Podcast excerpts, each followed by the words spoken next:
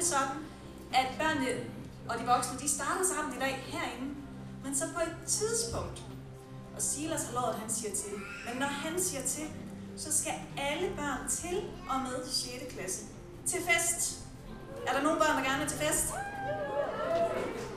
Woohoo, siger alle de voksne. Det bliver så godt. Vi taler slåsejsmaskine, vi taler hoppevogn, popcorn, fællesskab, Jesus. Det bliver så godt. Så det skal I glæde jer til. Lige nu, der skal vi lægge øh, formiddagen over i Guds hænder, og der vil du ned til bøn. Så øh, her i kirken, der plejer vi at lukke vores øjne og fokusere på Gud, og så vil vi bare sige ham tak for den her fantastiske dag. Far i himlen, det er en vidunderlig dag i dag. Det er en vidunderlig dag, fordi at du er lige her sammen med os, og vi ved, at du elsker os. Det er den største gave, vi kan få, og det priser vi dig for. Jesus, du er vores Herre og vores Mester, og vi ønsker at følge dig, også med alt, hvad der skal ske den her dag. Vi lægger det hele i dine hænder, fordi det er det allertryggeste og bedste sted, det kan være. Far, vi beder om, at du må være stærk til stede, og at din velsignelse må hvile over alt, hvad der skal ske, og alle, der er kommet ind. Jeg beder om, at alle må få en berøring af dig i dag på den ene eller den anden måde. At vi må gå styrket herfra med glæde og håb i vores hjerter. I Jesu navn. Amen. Amen. Amen. Er I klar til en fantastisk formiddag? Ej, hvor var det godt. Og var det dejligt at høre, at I svarer, når jeg spørger om noget. Det gør det jo lidt nemmere, det her. Vi skal en masse spændende ting. Vi skal prise Gud. Amen. Amen. Vi skal lovsynge sammen. Vi kommer til at skulle høre om øh, missionshuset. Vi har medlemsoptagelse, og det er en fantastisk, fantastisk stor ting, fordi jeg er så begejstret for det. Jeg glæder mig, fordi vi er en del, der bliver nye medlemmer i den evangeliske frikirke i dag. Så det skal vi også være med til. Er I med til det? Og I glæder jer lige så meget som mig? Er det godt? Er det godt? Så skal vi høre vores præst, Ken Jacobsen, tale. Og det er jo ikke det vigtigste, men det er ret vigtigt, at børnene skal til børnefest. Så der er rigtig, rigtig mange ting på programmet i dag. Men, som I kan se bag mig, så det er det jo ikke en hvilken som helst dag. Vi har visionsdag i dag, og det er nyt for nogle af os. Og så er der nogen, der har prøvet det før. Og vil du ikke gerne fortælle lidt om visionsdag, så vi alle sammen ved? Jo, det vil jeg meget gerne. Da jeg fik at vide, på visionsdag, så tænkte jeg, hvad er visionen? Det eneste, jeg kender, det er sådan noget television. Jeg har set rigtig meget fjernsyn i min tid. Så jeg var lige inde og google det. Det er så åbenbart ikke noget med fjernsyn at gøre. Men øh, jeg er sikker på, at der er noget godt alligevel. Så kom jeg i tanke om, at vi har haft det her før. Så dem, der har vant til at komme i, i frikirken, de har måske været med til det sidste år eller forrige år. Og det vi sådan plejer, når vi har visionsdag, visionsdag er bare et navn for noget, vi kalder det, øh, når vi prøver at kigge lidt tilbage på, hvad er der sket, hvad har vi ligesom opnået, hvad er det vores fundament er i vores kirke, som der også blev nævnt i indledningen, vi har nogle, øh, vi har nogle værdier, vi har noget, vi har nogle, øh, et fundament, og vi har det her visionshus, som vi skal høre om senere. Og det øh, hele er noget, hvor vi ligesom kigger sammen på, hvad er det? Hvad er det for en kirke, vi er? Hvad, hvor er det, vi står? Hvad er det, vi kan? Og hvor er det, vi gerne vil hen? Hvad er det for en vej, Jesus han peger? Hvad er det for en vej, Jesus han ønsker, vi skal gå? Og hvad er det, øh, Jesus har på hjerte for den her by, for den her menighed, og for os som enkelte personer? Så det er sådan noget med at kigge fremad og se, hvad ligger der ude i horisonten? Og så er det noget med den her dag, den er også meningen, at vi skal bruge den som sådan et øh, dansk ord, der hedder kick-off, eller sådan et slags øh, opstartspunkt, hvor vi siger, vi er et fællesskab, vi står sammen om det her. Det er noget, vi gør sammen, og vi vil gerne hjælpe hinanden, øh, stå skulder ved skulder. Det her med at være kirke i en by, det er en stor opgave. Det er en fantastisk opgave, men det er også en stor opgave. Så en visionsdag, det er en dag, hvor man ligesom siger, vi står sammen om det her, vi er et team, og vi ønsker, at Guds rige, det skal blive synligt her i Randers, og hvor vi ellers bevæger os. Og det er det, en visionsdag handler om. Lad os få sat fokus på dem, vi er, og det, vi gerne vil, og mest af alt, det Gud, han gerne. Så det håber I er med på. Og øh, den her visionsdag er lidt anderledes end nogle af de andre, vi har været til, fordi at, øh, som I måske kan se, så er der helt utrolig mange mennesker her øh, omkring os. Øh, vi plejer at være rigtig mange, men i dag er det jo bare helt fjollet, så mange vi er. Men det er faktisk dejligt. Så, øh, men skulle der sidde nogen hernede, som, øh, hvis det er første gang, du er her, hvis det er første gang, du er i kirke overhovedet, så kan jeg kort fortælle, at den her bygning, det er en bygning, der er i nogle år har huset det, vi kalder den evangeliske frikirke. Vi har boet mange forskellige steder, og vi er en gammel, faktisk utrolig gammel institution. Meget mere end 100 år gammel har vi øh, vores historie. Øh, og vi har fulgt Jesus øh, i alle de her år. Og så øh, det, der er sket, det der er helt nyt her i vores sammenhæng, det er jo, og det er jeg sikker på, at der er nogen af jer, der godt ved, at her lige før sommerferien, der blev vi jo smeltet sammen med en anden stærk menighed, som normalt har haft til huse op på Majervej. En stærk gammel kirke, som også har mange år på banen. Og så fandt vi ud af, at øh, vi havde simpelthen så mange ting til fælles, at øh, vi havde lyst til at stå skulder ved skulder sammen i den her by. Så derfor er vi nu to menigheder, der er slået sammen til én menighed, og det er derfor, vi sidder her i dag. Og hvis du synes, at det har du aldrig hørt om, eller du ved ikke, hvad en menighed er, så er du velkommen til at komme og prikke nogen på skuldrene bagefter og høre, hvad er en kirke, og hvorfor er I lige pludselig to kirker, der er blevet til én kirke. Men det er i hvert fald udgangspunktet. Vi er to gode, gamle, stærke menigheder, der elsker Jesus, og vi har valgt at slå kludene sammen nu. Så det er derfor, vi er så mange samlet her i dag. Og det er fantastisk. Men øh, der er nogen, der er meget bedre til at forklare sådan noget, end jeg er, og de har lavet en øh, video. Er det, øh, har du set den med det? Jeg har set den, og øh, I skal se den lige om lidt. Fordi som Ebbe lige sagde, så, øh, så er vi to kirker med hver vores fortid, og nu der går vi sammen mod fremtiden og har en fælles fremtid foran os. Og det er der øh, to herrer, der gerne vil sige lidt om, og de har, vi har lavet en video med dem, og den skulle gerne komme op. Værsgo. Mit navn er Allan Broen, og jeg er en del af den evangeliske frikirke, og har været det i mange år.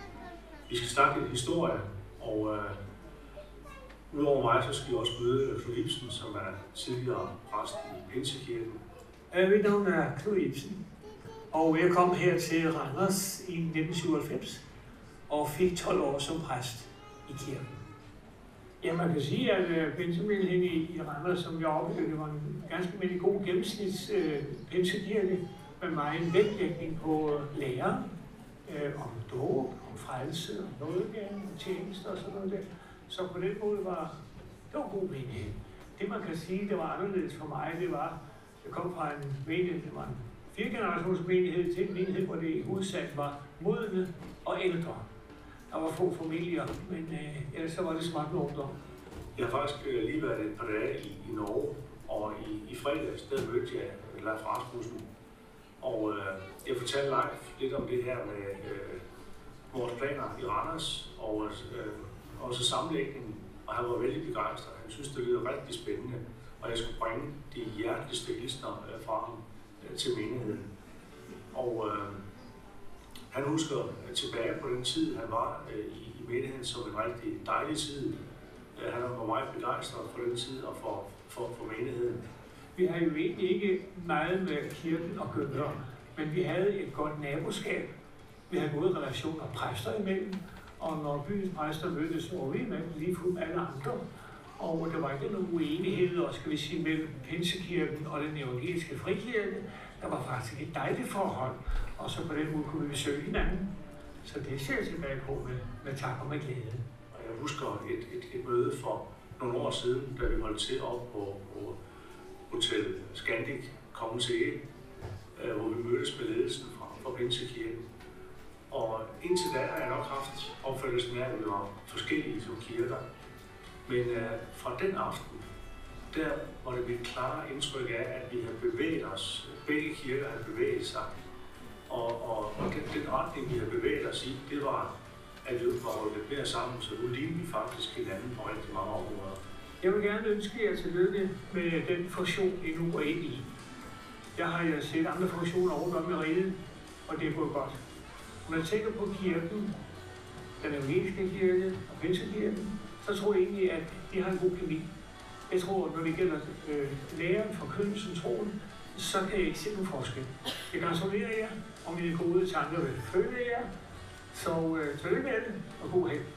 Jeg tror, og jeg oplever nu, at vi har den øh, indstilling, at øh, vi kan få det her til at fungere sammen. Og det, det glæder mig rigtig meget over, og det glæder mig rigtig meget til at se resultaterne af.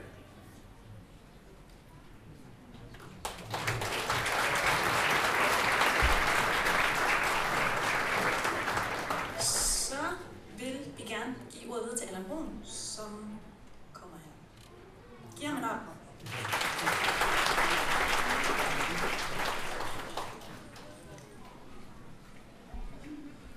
Ja, det har været festuge i Randers hele ugen, og dagen i dag er ikke nogen øh, undtagelse. Det er en rigtig festlig dag. Og hvorfor er det en festlig dag? Det er det blandt andet, fordi vi skal have medlemsoptagelse. Og medlemsoptagelsen i dag er noget helt særligt, fordi vi skal gøre noget, vi aldrig har prøvet før.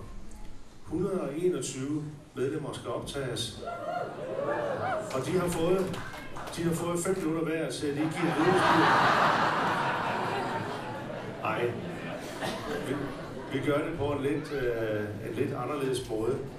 Men øh, når vi optager som medlemmer, så er det jo øh, i vores, hvad skal man sige, forening, fordi vi har en forening med hinanden, og foreninger optager øh, medlemmer. Men det, der er vigtigt at sige også, det er, at, at, at det er jo ikke bare et, øh, et foreningsmedlemskab. Det her, det er ligesom en familie, man melder sig ind i. Og vi vil, sådan vil vi gerne fungere ikke bare som en forening med vedtægter, men vi vil gerne øh, fungere som en familie, hvor alle er lige værdige, og hvor alle har sin plads. Og øh, vi skal også til at øh, væk fra at sige øh, vi og dem og, og, og så videre. Det er ikke sådan, at vi nu optager 121 nye medlemmer i vores fællesskab. Nej, vi er, vi er et. Vi er en stor familie, og vi skal fungere sammen, og, og, og vi skal ikke øh, vise vores medlemsbog for at bevise vores ret til at være med i familien her. Nej, vi er, vi er et, og, og alle har, har lige rettigheder. Alle er lige værdige. Så jeg håber, at øh, vi vil behandle hinanden på den måde, at, øh, at vi er et. Vi er medlemmer i et fællesskab, øh, som har en vision, og som vil noget sammen i, i Randers. Men øh, lad os nu øh, tage imod de, de, de 121, øh, som også bringer en masse børn med. Øh, og børnene bliver formentlig også mange af dem medlemmer af børne- og ungdomsarbejdet.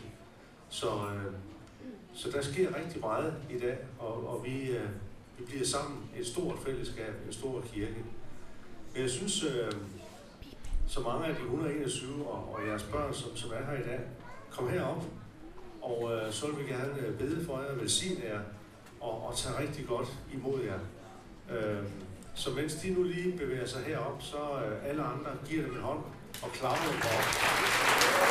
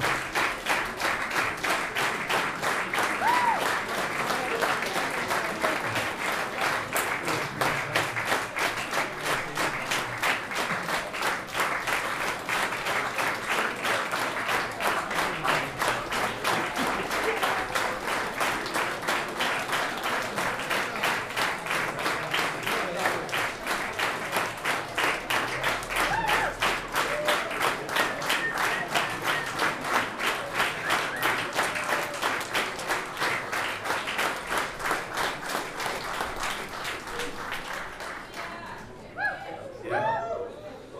Rigtig, rigtig dejligt at, se. Og I skal tage den her øh, klapsalve som et, et velkommen. iblandt os. Jeg har også lyst til at sige, at øh, vi optager jo ikke flokke som medlemmer. Hver enkelt her er et øh, individ og øh, har en personlighed, og, og hver øh, individ har, har skrevet under på, at de vil det her. Så, så det er ikke bare en flok, men, men se på de her mennesker som øh, mennesker, som, som Gud har skabt med individuelle øh, egenskaber og personligheder. Så øh, hver en af jer skal øh, være velkommen som, som medlem. Vi er rigtig glade for, at vi øh, ikke bare kan optage os som medlemmer, men også at vi kan være et øh, med, med jer, og vi kan fungere som, som et fællesskab. Og nu vil vi gerne øh, bede for jer. Vil du ikke begynde, Kent? Vil I rejse op, menighed? Og så velsigner vi den her stund. Jesus, vi takker dig, fordi at du er her. Og tak fordi, at du velsigner os to fællesskaber, der smitter sammen. Og jeg beder dig om, at eneste fra Pinsegæng må opleve, at det er let at falde til, at det er let at få lov til at blive oplevet et fællesskab, fordi du er her, og fordi at du gør det let, og du hjælper os til at samle os mod det, som er vores opgave i den her by, at vi må få lov til at pulje sammen og stå skulder ved skulder. Tak fordi du fjerner de sidste forbehold, der er nogen, der måtte have over for hinanden. Og tak fordi at kærligheden får lov til at smelte os sammen. Tak for den proces, vi har været igennem nu, og vi beder dig om, at den her dag lige nu, det må blive noget helt særligt for hver eneste, der står os på platformen. At få lov til at opleve, at det her det er en ny tid, vi bevæger os ind i. Vi er også for, vores, øh, for frikirken, at vi må få lov til at opleve, at vi også favner, vi også åbner op, og vi får lov til at opleve, at du på en særlig måde bliver stor i vores kirke, i vores hjerte, i vores familier, og vi får lov til at brede dit lys i vores by. Tak for din velsignelse og beskyttelse i sind og tanker. Tak fordi din fred må få lov til at være over hver eneste fra Pinsekirken på en særlig måde. Vi velsigner dem, og vi ønsker dig, Herre, du må få lov til at komme og gøre godt i hver enkeltes liv. Tak for din godhed mod os, Jesus. Tak, Jesus, for hver eneste, der er her. Tak, fordi du øh, elsker dem hver især. Og tak, fordi vi må byde dem velkommen i, øh, i, i fællesskabet. Og vi takker dig, fordi at du også vil hjælpe os til, at fra i dag, så vi, fungerer vi ikke bare som, som forskelligheder, men vi fungerer som én menighed. Og tak, at du også vil hjælpe os til at se, at vi, øh, selvom vi øh, holder af hinanden og gerne vil hinanden, og, og, og vil ære hinanden, så er vi ikke kun sat i verden for at ære hinanden. Vi, vi vil også gerne udføre en opgave, også i den by, vi er sat i. Og vi vil gerne være et lys i, i den her verden. Tak, at vi kan være et langt større lys sammen, end vi kan hver for sig. Vi beder dig om, at du vil velsigne det her fællesskab, vi skal til at have sammen. Tak, Jesus. Og jeg vil gerne øh, vedbede din velsignelse over hver enkelt, som er her, hver voksen og hver barn. Tak, at du vil øh, lade dem opleve øh, din godhed og din nærhed. Og tak, at du vil også lade dem opleve øh, fællesskabet, at vi øh, vil hinanden, og at vi er sat her for hinanden. Tak, Jesus, at vi må bede om din velsignelse over vores fælles menighed. Amen. Ja, og øh, mens de, alle de her mennesker går ned igen, så øh, giv dem lige en hånd en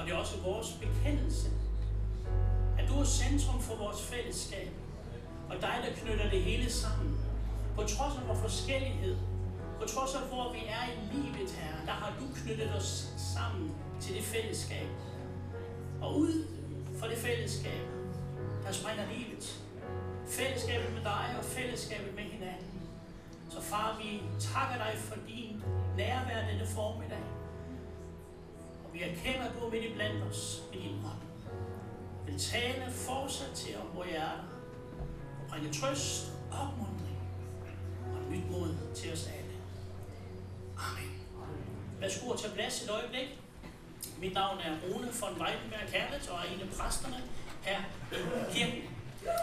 Jeg vil gerne øh, sådan, i løbet af de næste par minutter lige præsentere kirkens vision her for os alle sammen. Der er måske nogen, for hvem det er helt nyt.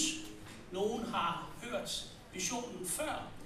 Men fællesskabet her, der er visionen den, at vi ønsker at være et, en kirke af fællesskab, der følger Jesus og rækker ud. Skal vi ikke sige det sammen? En kirke af fagnende fællesskaber, som følger Jesus og rækker ud. Skal vi slå dem en gang til? En kirke af fagnende fællesskaber, Amen. Det er det, vi drømmer om. Og hvad mener vi så med et fagnende fællesskab? Jo, vi ser for os en kirke, hvor vi hver især er med til at skabe et fællesskab, som er varmt og fagnende. Et fællesskab for alle generationer, alle etniciteter. Uanset hvor man er i livet, så er fællesskabet her et fællesskab for dig. Der skal altid være plads til en mere i vores fællesskab. En mere i vores tjenesteteam. En mere på vores gudstjenester. En mere i vores life group. Det er hjertet i visionen. Det er, at vi ønsker at være et fagnende, åbent fællesskab, hvor der altid er plads til en mere. Så ønsker vi at følge Jesus. Vi ønsker at se hen til ham. Og når vi ser hen på Jesus, så bliver troen på ham retningsgivende for vores liv. Det er ham, det hele drejer sig om. Det er ham, som vi ønsker at følge af hele vores hjerte. Og den efterfølgelse her, den lever vi i fællesskab. Og nu kan jeg se, at vores visionshus det er kommet op her. Og det er jo bare sådan en visuel måde at egentlig fortælle om måden, eller vores vision her. Som I kan se her, så hvis vi starter op fra, så ønsker vi at være den her kirke af fagnende fællesskab, der følger Jesus. Og så er der tre søjler, og den kommer jeg tilbage til om et øjeblik. Men vi ønsker at være det her fagne fællesskab, som rækker ud. Vi ønsker at følge Jesus. Og så den sidste og tredje del af vores vision, det er, at vi skal være en kirke, der rækker ud. Vi ser en kirke for os, hvor det ikke bare er nogle få, som har en opgave med at række ud for kirken, men at vi alle som en, som et fællesskab, hver især, rækker ud til de mennesker, vi er iblandt i vores hverdag. Det vi har fået af Jesus, det ønsker vi simpelthen at bringe videre til mennesker, som endnu ikke har oplevet ham. Det er derfor, vi er som kirke. Ikke for at holde på det, vi har oplevet, men for at fortælle det vidt og bredt til alle, som vi er i kontakt med i løbet af dagen. Et fagnende fællesskab, som følger Jesus og rækker ud til andre mennesker. For at den vision kan blive virkelig gjort, så har vi i kirken tre fokusområder. Det er her, hvor visionen virkelig får kød og blod og ben at gå på. Og dem ser I her på skærmen her. Til jeres venstre, så er det, vi ønsker at skabe missionale fællesskaber. Det næste, vi ønsker at satse og have et fokus hele tiden på discipleskab. Og den tredje søjle og fokusområde, det er fællesskaber på tværs. Og jeg vil godt byde tre personer velkommen her fra menigheden, som vil fortælle, hvordan de har oplevet netop de her fokusområder. Det er Johanna Pedersen, og det er Eva Brun, og det er Jakob Lundher. Værsgo kom herop, og lad os lige give dem en hånd, mens de kommer.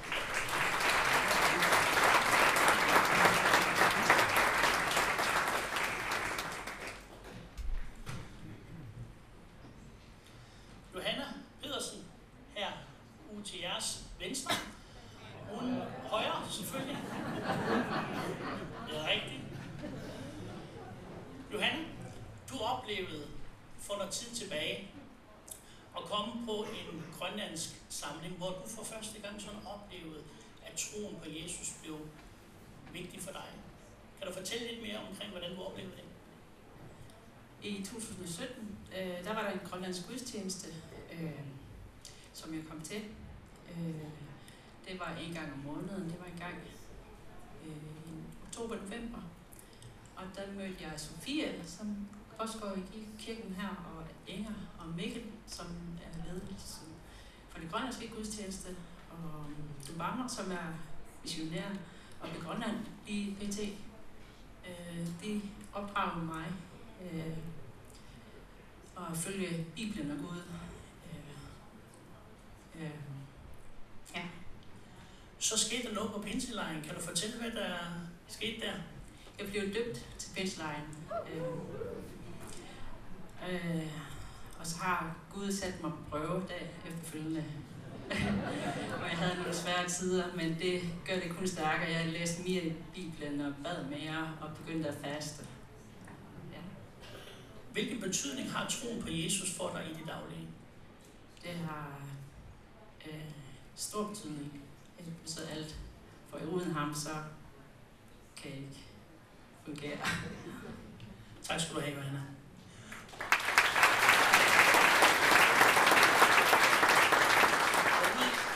Udover de her missionale samlinger, Grønlands gudstjenester, som Johanna hun nævnte, så har vi fremadrettet planlagt afrikanske samlinger, og der er forskellige andre samlinger, som vi vil tage initiativ til fremadrettet. Fordi vi ønsker, at der skal være mulighed for at opleve Jesus et sted, hvor tærsken er lav, hvor vi alle kan komme ind og høre om troen på Jesus Kristus.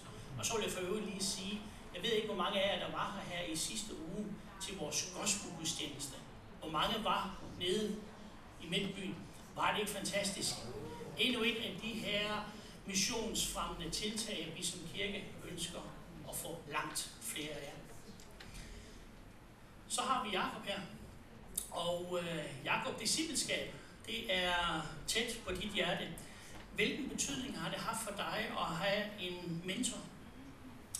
Yes, jamen første gang vil jeg sige, at øh, både som ung og som moden og som voksen, så tror jeg, det er en illusion at tro, at, øh, at man kan leve livet alene.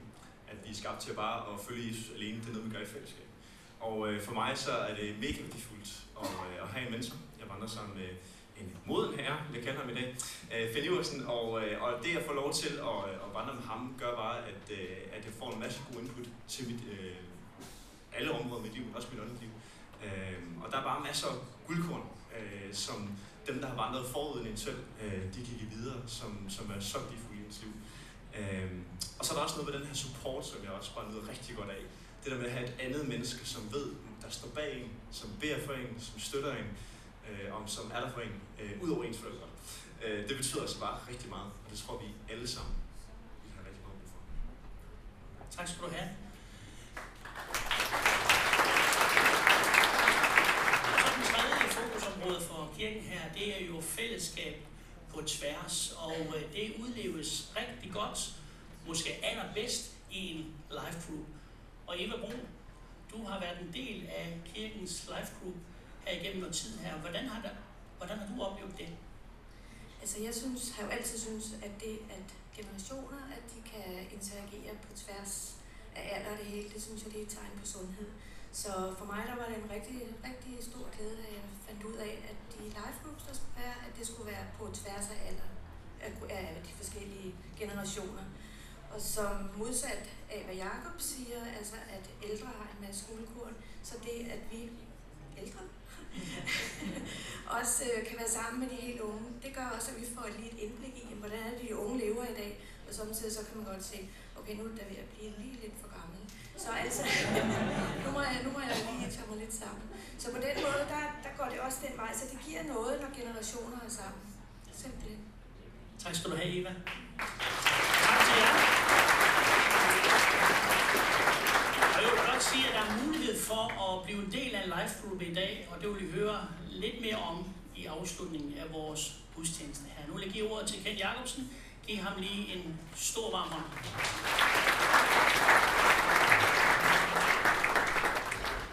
Hold da op.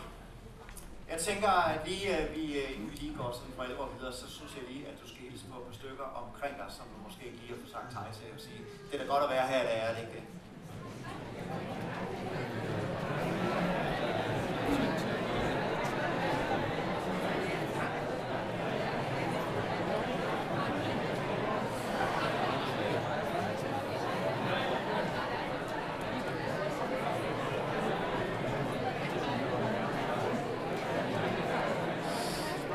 Sådan der. Rigtig godt. Rigtig godt. Og øh, vi fortsætter, når vi skal have hotdogs og pølser og sådan noget efter gudstjenesten. Jeg kan se Silas og mange andre også er klar til den del. Det kan da ikke gå helt galt.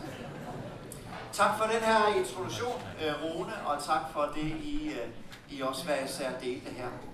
Og i den kommende uge, så er det bare sådan, at der er rigtig mange af vores aktiviteter og tjenesteområder, der begynder i kirken. Så det er nu, vi har muligheden for at være med. Blandt andet, som øh, Rune sagde, live i de mindre grupper, hvor vi oplever at have nogen tæt på. At vi oplever en fantastisk anledning til at blive smeltet sammen, og oplever det store fællesskab. Det bliver mindre, og det bliver overskueligt. Så hvis ikke du er tilmeldt, så er det muligheden, og jeg har lyst til at opmuntre dig til, at gøre det i dag.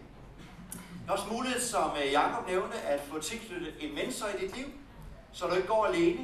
En vandring med Jesus, det bliver sammen med en mere erfaren, du kan spare med.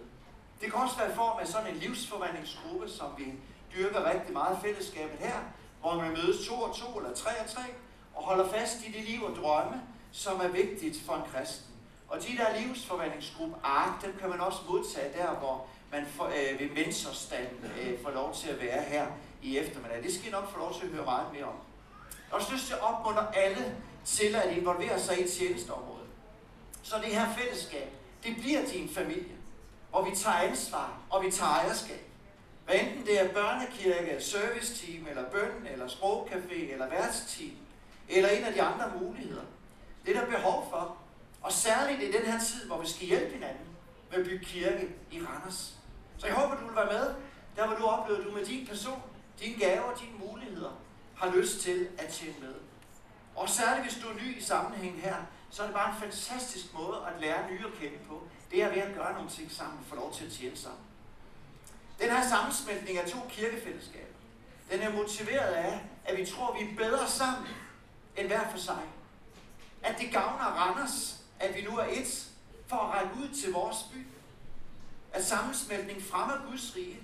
Men det kan kun ske, når vi hver især bidrager med det, vi nu kan, og det Gud har givet os i vores hænder.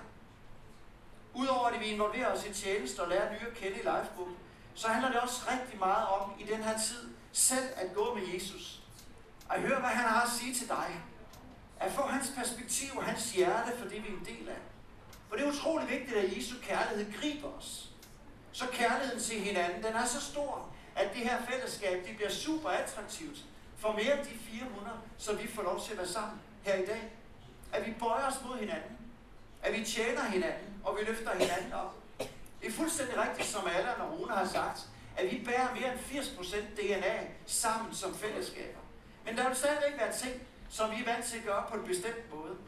Og der vil være ting, som vi er vant til på en eller anden måde at vælge at rumme og fagne og lære fra hinanden og sige pyt en del gange. Er I med på det? Sige pyt en del gange. Vi kommer videre. Når nye mennesker kommer ind i det her fællesskab, så skal de mærke varmen, og så skal de have lyst til at blive, fordi de mærker mennesker, der har Jesu hjerte og elsker hinanden, og gerne lukker en mere ind i fællesskabet. Vi kommer også til inden længe at skulle sammen, stå sammen som kirke om en ny kirke. hvilket helt sikkert bliver den største opgave, både økonomisk og ressourcemæssigt, i kirkernes samlede historie. Vi får lov til at ofre og investere, når det skal blive en realitet. Tænk, at vi får lov til at have et dejligt, attraktivt sted at invitere ind til, som kan rumme os, der er her nu, men også alle dem, som endnu ikke er her. Er I med på det? Efter gudstjenesten den 8. september kl. 13-14, som også der stod i nyhedsmailen, så kommer vi til at give en lille status på, hvor langt vi er her. Men det bliver ikke nok at have en ny kirke. Det bliver ikke nok for vores fællesskab, at det er indbydende, og det er fagnende, og det er attraktivt, selvom det er utroligt vigtigt. Det er heller ikke nok med gode aktiviteter og fantastiske tjenesteområder, men der er en større hensigt. Der er et større formål, det som kirke handler om. Vi skal se et klip fra filmen Hawkshaw, som der kan være lidt stærke scener, så hvis der er familier med små børn, det håber jeg ikke, der er, så vær lige opmærksom her. Værsgo.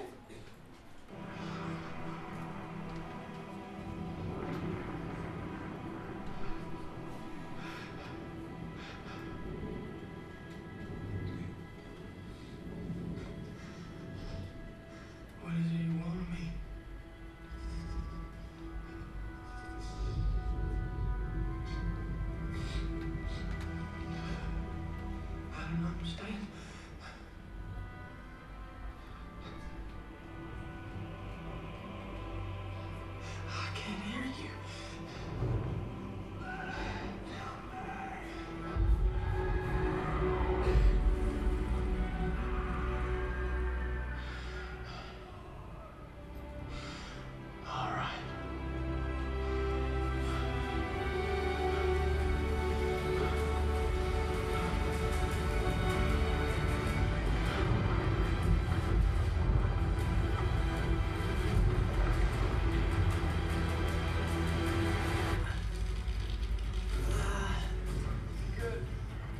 We got you. We got you.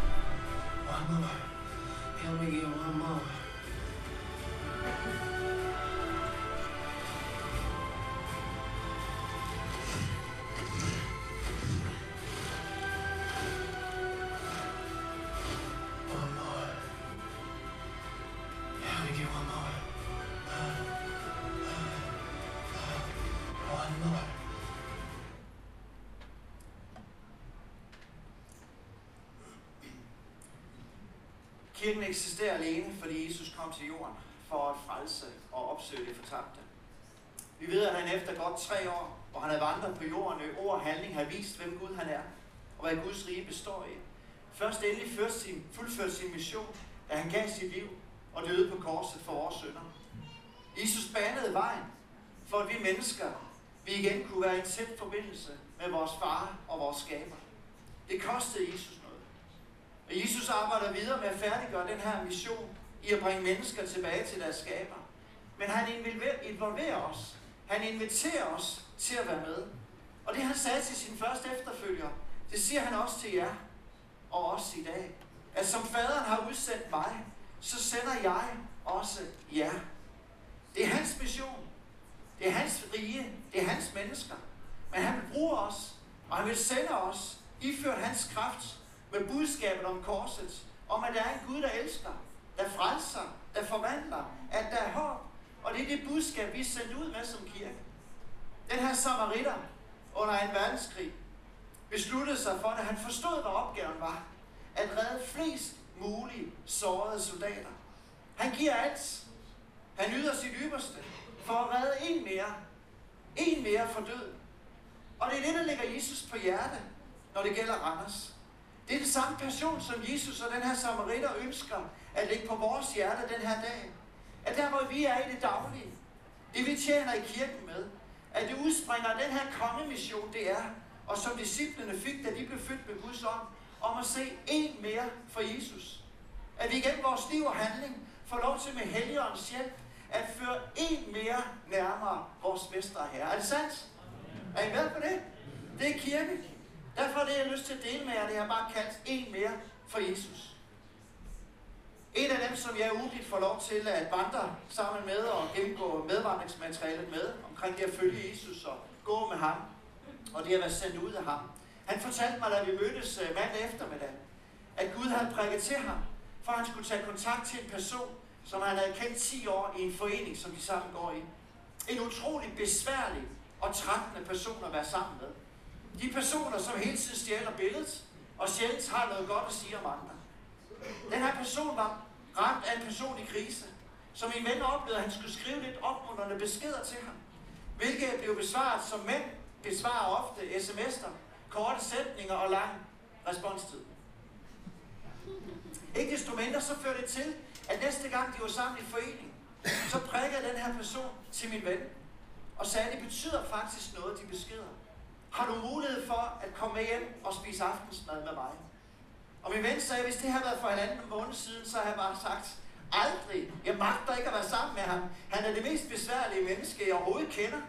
Men fordi Gud havde prikket til ham, så tog han hjem den aften, hvor vi havde været sammen om eftermiddagen, og havde, som man beskriver det, en helt fantastisk ærlig snak om liv, om tro og kirke og Jesus og personlige erfaringer.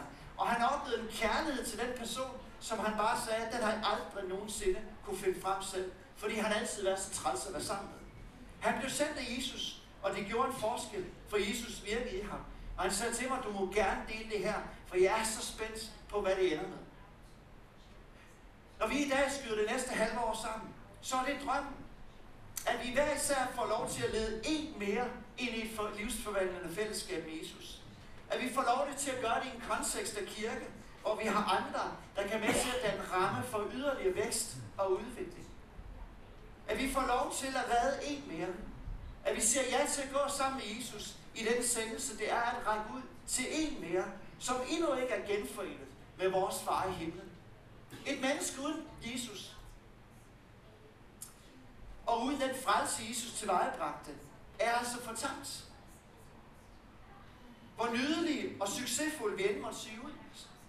Bibelen fortæller, at der ikke under himlen givet det andet navn, hvorved mennesker kan frelses, end Jesu navn. Jeg håber ikke, vi har glemt det. At vi får lov til det her efterår. At bede, spejde, lede, opsøge det fortabte menneske uden Jesus. Og jeg er ikke i tvivl om, at med åndens inspiration og kærlighed, som min ven oplevede det, så vil vi få kraft og idéer og frimodighed til at se, hvordan det skal se ud i vores liv. Jeg tror, Gud vil i dag lægge personer på dit hjerte, som er på hans hjerte. Og det er dem, du med det, du er, og det, du gør i og uden for kirken, er med til at se, at de bliver reddet og finder hjem til deres far i himlen.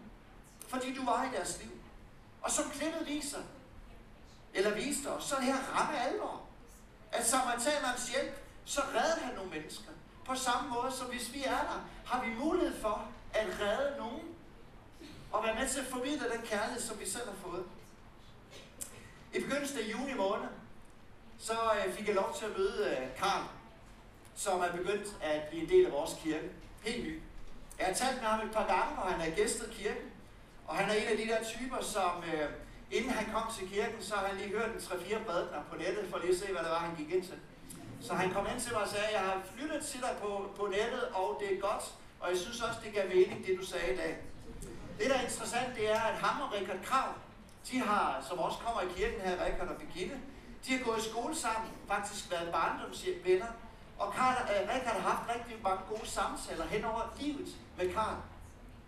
Karl er også på et tidspunkt kommet i kontakt med Mark og Ingelise Stewart, som også kommer i kirken her, og på et tidspunkt også været en del af deres gruppe. Karl var et, er et søgende menneske, og han har som jeg nævnt besøgt kirken et par gange. Og øh, så kom han den her søndag i begyndelsen af juni måned, lige efter gudstjenesten, og sagde, Kent, jeg vil gerne snakke med dig den kommende uge. Kan I få en samtale? Så ja, det kan vi godt, helt sikkert. Så vi mødtes sådan en formiddag, og så var det, at han startede med at sige den her samtale.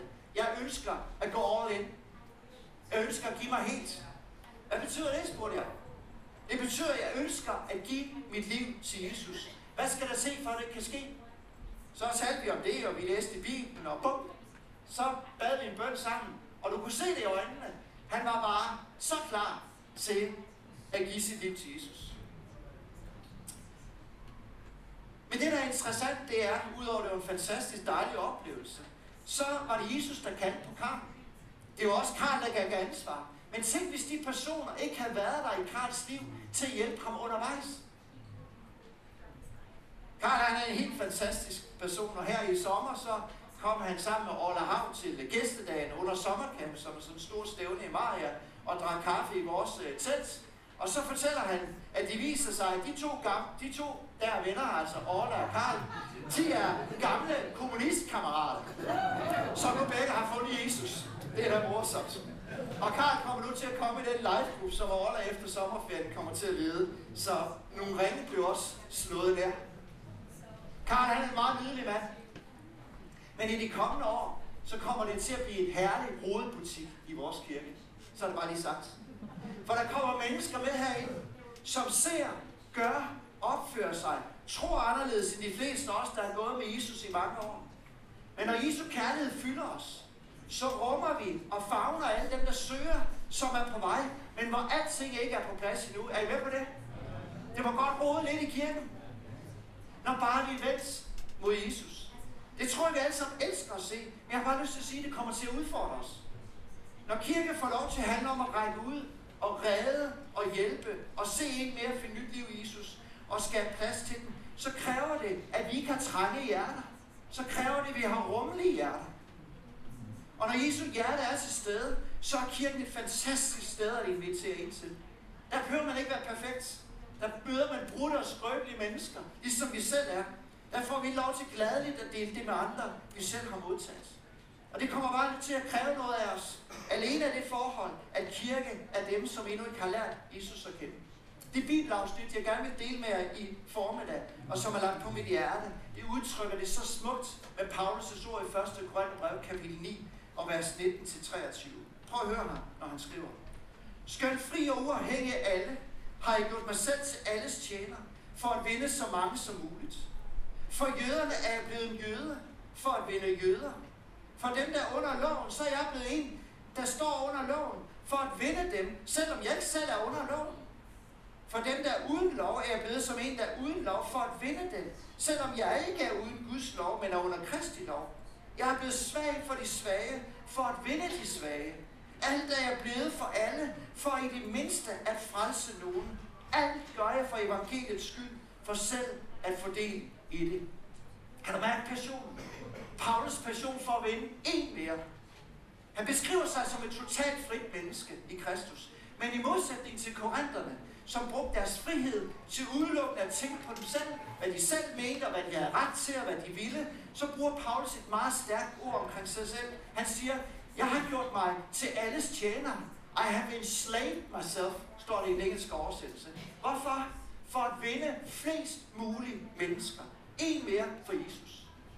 Og det her selvopoffrende sind, som Paulus udtrykker, det kommer her til udtryk i mødet med tre mennesketyper, som jeg egentlig ikke tror, vi kommer til at møde i dag, men eksemplerne er det samme. Han var tjener for jøderne, dem under loven. Han blev tjener for grækerne, dem uden lov. Han blev tjener for de svage, dem som sled med en skrøbelig samvittighed. Han gjorde alt for at flytte sig og gøre sig forståelig for dem, han rakte ud til. Så når han møder jødegruppen, så blev han som en jøde, sagde han. Det vil sige, når det var nødvendigt og handlede om mindre vigtige ting, så overholdt han den jødiske praksis, som Jesus også har gjort. Ceremonielle rensninger, hårdklipning, og omskærelse, og hvad det nu var nødvendigt for at vinde dem. Selvom han siger, at jeg er ikke længere uden lov. Jeg har fået fat i Kristi lov. Jeg er fri fra alle de ting, som jeg længere var bundet af. Så har han alligevel lyst til at gøre det, for at række ud til dem, for om muligt at bringe dem lidt tættere på Kristus. For dem uden lov, altså grækerne, som ikke havde en skriftlig åbenbaring for Gud, så siger han, at han blev som en uden lov. Han tog plads i blandt dem, i deres kultur. Han spiste med dem. Han gik ind i deres huse, hvilken jøde aldrig kunne finde på at gøre. Han, han gjorde, jeg mener, han gjorde alt. Han talte sprog, de forstod. Men også dem med en skrøbelig samvittighed. Dem, som var usikre og utrygge ved, om man nu eksempelvis måtte spise kød, som var offret til afguderne, hvilket var en kæmpe stor issues i Korinth. Og andre ting, der plagede deres samvittighed i deres nye tro, så rakte Paulus ud hånden ud til dem, han respekterede dem. Hans holdning var egentlig selv, Paulus, at når der kun er én Gud, og der ikke findes afguder, så spis der bare alt slags kød. Men når han mødte bekymrede, når han mødte svage i troen, som måske var kommet fra den afgudstro og den praksis, og havde været vant til at spise ofre i de der hedenske templer, og nu havde svært ved bare at slippe det, så siger Paulus sådan her, at jeg kunne da aldrig nogensinde finde på at spise for øjnene af dem. Selvfølgelig vil jeg da aldrig bruge min frihed til at såre eller støde et sådan menneske. Så lader jeg da hellere være med at spise sådan noget kød sammen med dem. Hvis mad skulle bringe min bror til fald, så vil Paulus aldrig evighed spise mad for en sådan et menneske. Han undslår sig sin frihed for den svage skyld. Hvorfor gør han det? For at vinde den svage. For at den person skal blive forankret i Jesus og finde vej til Jesus. Paulus tænkte ikke, de skal forstå mig. De skal være som mig. Men kærlighed og ønsket om at nå en mere, det gjorde, han gjorde alt for de enkelte grupper, for at de skulle forstå og modtage det budskab, han bragte med dem om Jesus Kristus som frelser og forvandler. Derfor ser du i teksten, han bruger ordet vende fire gange. Og så slutter han med, og bare jeg kunne frelse nogen med det, jeg gør i min livsstil. Det er helt i tråd med det engagement og den passion, du fandt hos soldaten, der desperat råber efter at redde en mere fra døden. Selvom det kostede og utrolig meget af ham, som selv var ramt af krig. Men både hos samaritterne hos Paulus, så afspejler det det hjerte, Jesus har. Og så har han ved sin ånd vil plante hos os i formen af en mere for Jesus. Vi får lov til at vinde. Jeg vil gøre alt for, at det kan ske. Jeg vil tro, at det kan ske for mig. En mere fra min familie. En fra mit studie. En fra min arbejdsplads. En fra mit naboskab. En af den forening, jeg er del med. En af de teenager, jeg arbejder med i går i Goats. En mere fra Sprogcafé. At lovsang og værtstimer, lyd og videoer, det alene må præges af det, at det vi ønsker at gøre, det er, at vi må få lov til at se en mere for Jesus. Og vi vil gøre det ypperste for at tale et sprog og bruge den teknologi, der gør, at vi når ind til det menneskes hjerte, der lytter. Er I med på det? Selvom det, vi måske ikke lige bryder os om den stil, eller den måde at gøre det på, hvis det når ud til det menneske, som er parat til at lytte. At vi lader Jesu mission plante i os, for at se en brudt verden i møde med ham, og opleve Jesu genoprettende magt. At få lov til at opleve et helt nyt menneske, det kræver noget af os som fællesskab og som enkeltpersoner. At kirke ikke handler først og fremmest om mig, men om alle dem, som Jesus døde og elsker, og som endnu ikke har mødt ham igennem, der er mig. Mens indtrykket fra klippet er hos dig, og måske også de over her, så prøv lige at visualisere et øjeblik. Hvem er det, du brænder for? Hvem er det, du får lov til sammen med Paulus' ord at se blive vundet, reddet, frelst igennem dit liv? Hvad hedder de? Hvor er de? Hvad kan du gøre? Hvem er du sendt til? Hvordan kan din tjenesteområde gøre det nemmere for mennesker at møde Jesus? Det koster noget. Det koster soldaten noget. Det koster Jesus noget. For det handler ikke længere om Paulus, men om at være sendt på vegne af Jesus. Det var et Guds værk, men det var også en beslutning for Paulus at hele tiden holde sig selv placeret der. En af dem, jeg vandrer med, som endnu ikke har givet sit liv til Jesus. Han oplevede her for nylig, at han var i en rigtig vanskelig situation, en reel krise, som fordrer, at han var nødt til at flygte fra der, hvor han boede og finde et andet sted at bo. Desværre oplevede han der, at den by og de kristne, som han spurgte om hjælp til, de tilbød ham en kop kaffe, men de ville eller kunne ikke investere i det, der skulle hjælpe ham til at finde sted at overnatte. Jeg kunne også have gjort mere her. Det fik vi en god snak om sidste fredag aften. At vi også er mennesker, og Jesus er perfekt, og vi andre, vi er bare på vej. Men bottom line, det er, at det bragte ham ikke til et skridt tættere på Jesus, fordi han ikke blev mødt af nogen, som var villige til at gå et skridt mere for ham. Fordi nogle gange, så er det ærligt. Så er det let at lade være. Men hvis vi vil se en levende, sprudlende kirke, så sker det, når vi beder Jesus om at give os sit hjerte. Fylder os med sin kærlighed og begynder at række ud til dem, som vi på en eller anden måde er sendt til. Ikke som sådan en uoverskuelig ting, men få lov til at gøre der, hvor vi er, og spørge Jesus, hvem er det, jeg skal få lov til at være noget? Rick Warren, som er en amerikansk øh, præst, som har en stor kirke i Kalifornien, han fortæller om sin far, som prægede hans liv helt uimodståeligt meget. Hans far havde været præst i over 50 år, og mest tæt i sådan nogle små landsbykirker. En meget enkel mand beskriver Rick ham, men som havde en vision om at hjælpe små kirker med at bygge kirker. Og gennem hans liv, der han hjulpet øh, små kirker med at bygge 150 kirker til der, hvor de var. I 1999 så dør Ricks far af kræft. Og i den sidste uge af hans sygdomsforløb, så er han sådan en tilstand af semibevidsthed. Så når han drømmer, så taler han højt om det, han drømte. Og Rick fortæller, at han lærte rigtig meget ved at sidde og lytte til hans fars højlytte drømme. En nat, da Rick og hans kone og hans niece var til stede, så bliver hans far pludselig rigtig meget aktiv og søger at komme ud af sengen. Hvilket selvfølgelig er fuldstændig umuligt, som han slet ikke magter. Men han prøver sig ihærdigt, at Ricks kone til sidst spørger ham, Jimmy, hvad er det, du gerne vil? Han svarer, jeg må frelse en mere for Jesus. I got to say one more for Jesus. Det gentog han med Paulus' ord, som vi læste i dag. Rick fortæller, hvordan han bryder fuldstændig sammen i sengekanten. Og opløst i gråd og stolt af en far, som videregav den form for tro og arv til ham. I løbet af næste time, der gentager han den sætning måske 100, år, 100 gange. Jeg må frelse en mere for Jesus. Til sidst så rækker han sin hånd mod Rick, og så placerer han den på Ricks hoved, og siger næsten befalende til ham, frels en mere for Jesus. En mere. Og Rick besluttede sig den aften at gøre det til temaet for hans liv. Og det har han lykkes godt med. Præget af hans fars hjerte, af dem, som endnu ikke havde hørt om Jesus. Hvad med os? Hvad med dig og mig her i formiddag? Hvad med det, vi skal være sammen om? Jeg vil gerne invitere dig til at gøre det til dit fokus. Din bøn, dit hjerte, din praksis.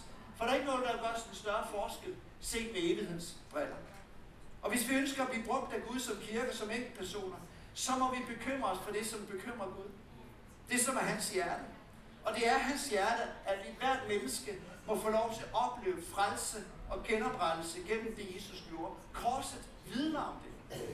Så når vi rækker ud og vinder en mere for Jesus, så vil missionen en dag være udført.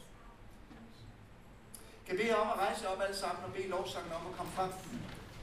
Så kunne godt tænke mig, at vi gjorde det så lidt konkret den her formiddag. At vi lige venter os mod hinanden, to og to. Og øh, vi bare brugte et par minutter på at bede for de mennesker, som du har aller nærmest dig, som du sådan ønsker at få lov til at komme til tro. Hvis det overhovedet er naturligt, du behøver ikke dele mere, end du har lyst til, men få lov til at blive sammen to og to eller tre og tre beder for det menneske, som er på dit hjerte, som du ønsker, skal få lov til at komme til tro. Så har vi lidt musik i baggrunden. Kan vi gøre det? Og når I har bedt, så må I gerne sætte jer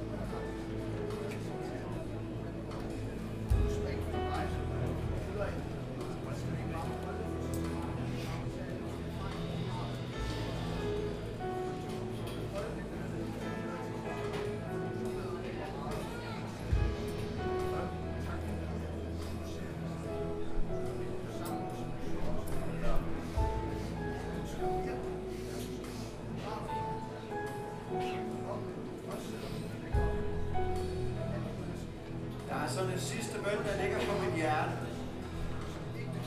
Først som jeg jeg helt rørt, når jeg står og kigger over det her hjerte og ønske om, at vi må få lov til at blive brugt af Gud til at række ud på vegne af ham. Jeg har lyst til at bede et fælles bøn for alle dem, som går i gang med noget nyt efter ferien. Om det er arbejde, eller det er studie, eller det er tjenesteområde, eller det er en ny situation, at du på en særlig måde må opleve at være sendt af Jesus til at række ud på en særlig måde til nogle af dem, som Gud kommer til at sætte dig i blandt. Og jeg er sikker på, at Helligånden skal nok vejlede dig. Så kan jeg bede alle, som på en eller anden måde starter med noget nyt, om at rejse sig op. På en eller anden måde, du ved det selv, og så vil jeg gerne bede en kollektiv bøn. Et eller andet nyt, som måske også kræver noget nyt af dig.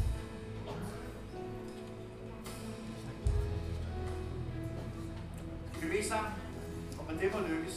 Jesus, vi takker dig for hver eneste, der står her nu.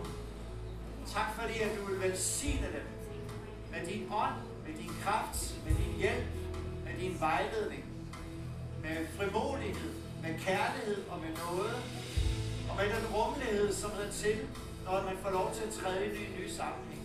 Vil du gøre det nemt? Vil du hjælpe? Bed dig om, din helgen må få lov til at gå igennem rummet nu, og give det, der er brug for i den her specifikke situation. Tak fordi du hjælper hver eneste, man får lov til at lykkes i det nye, der ligger foran. Og tak fordi, at vi som fællesskab må få lov til at opleve, at det her efterår, der får vi lov til at række ud til en mere. Amen.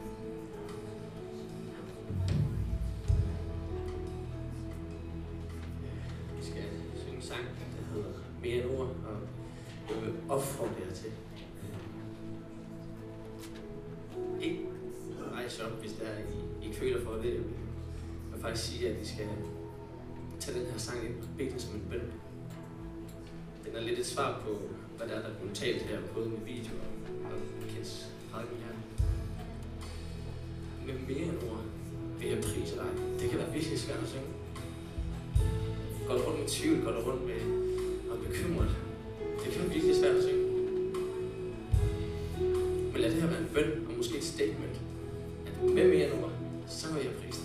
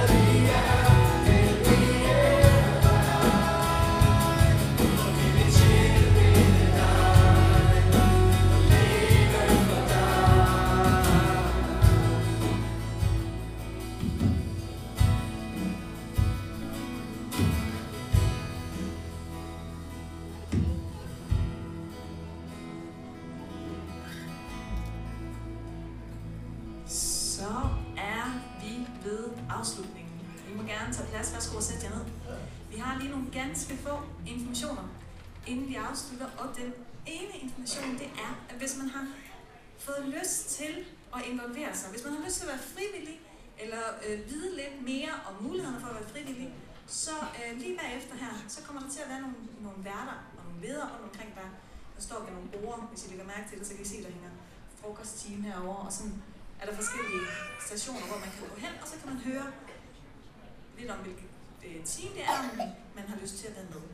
Man har også mulighed for at høre om det her, øh, de her live groups, som der er blevet nævnt herfra, hvis man gerne vil være med i det, eller vide lidt mere om, hvad det er, så har man altså også mulighed for det.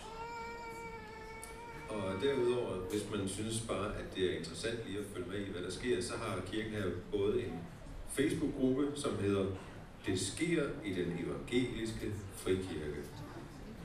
Så bliver det vist ikke mere mundret. Den, den er vist til at... Den kan I søge på, når I kommer hjem. Det sker i den evangeliske frikirke. Og derudover så har vi også øh, en nyhedsmail, vi sender ud sådan ret jævnligt. Og øh, den kan man melde sig til, så får man en e-mail cirka en gang om ugen. Og øh, det kan man enten gøre via vores hjemmeside, eller hvis man har brug for hjælp, så nede ved vores infobord hernede bagved, er der nogen, der gerne vil hjælpe jer med at få den. Så kan I høre alt, hvad der sker sådan i de ugens løb i den kommende uge. Ja, og så skal jeg fortælle jer, at på søndag, der starter vi øh, en, et tema, der hedder Vores ID. Og det betyder, at de næste fem søndage, der kommer vi til at have fokus på kirkens værdier. Og øh, det starter altså på søndag, og vi håber selvfølgelig, at I er med og klar på det. Og det er vores ID, der bliver overskriften.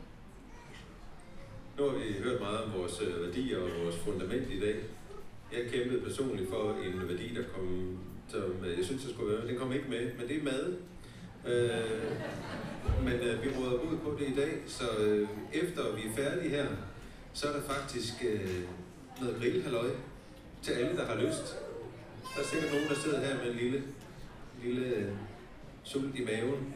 Og det kan I simpelthen få stillet ved at her udenfor er der nogen, der griller noget dejlig mad til os. Og øh, ud over, altså jeg, jeg er nok den mest ydmyge person i kirken, men derudover så er vores præster rigtig godt med, og de, vil faktisk, de er så ydmyge, at de i dag vil være tjenere for os, så de vil serverer maden for jer. Det bliver jo helt utroligt at få lov at få serveret en pølse af en flot præst. Og så, ikke nok men den bliver serveret flot, så er den også gratis. Så det kan I glæde jer til herude.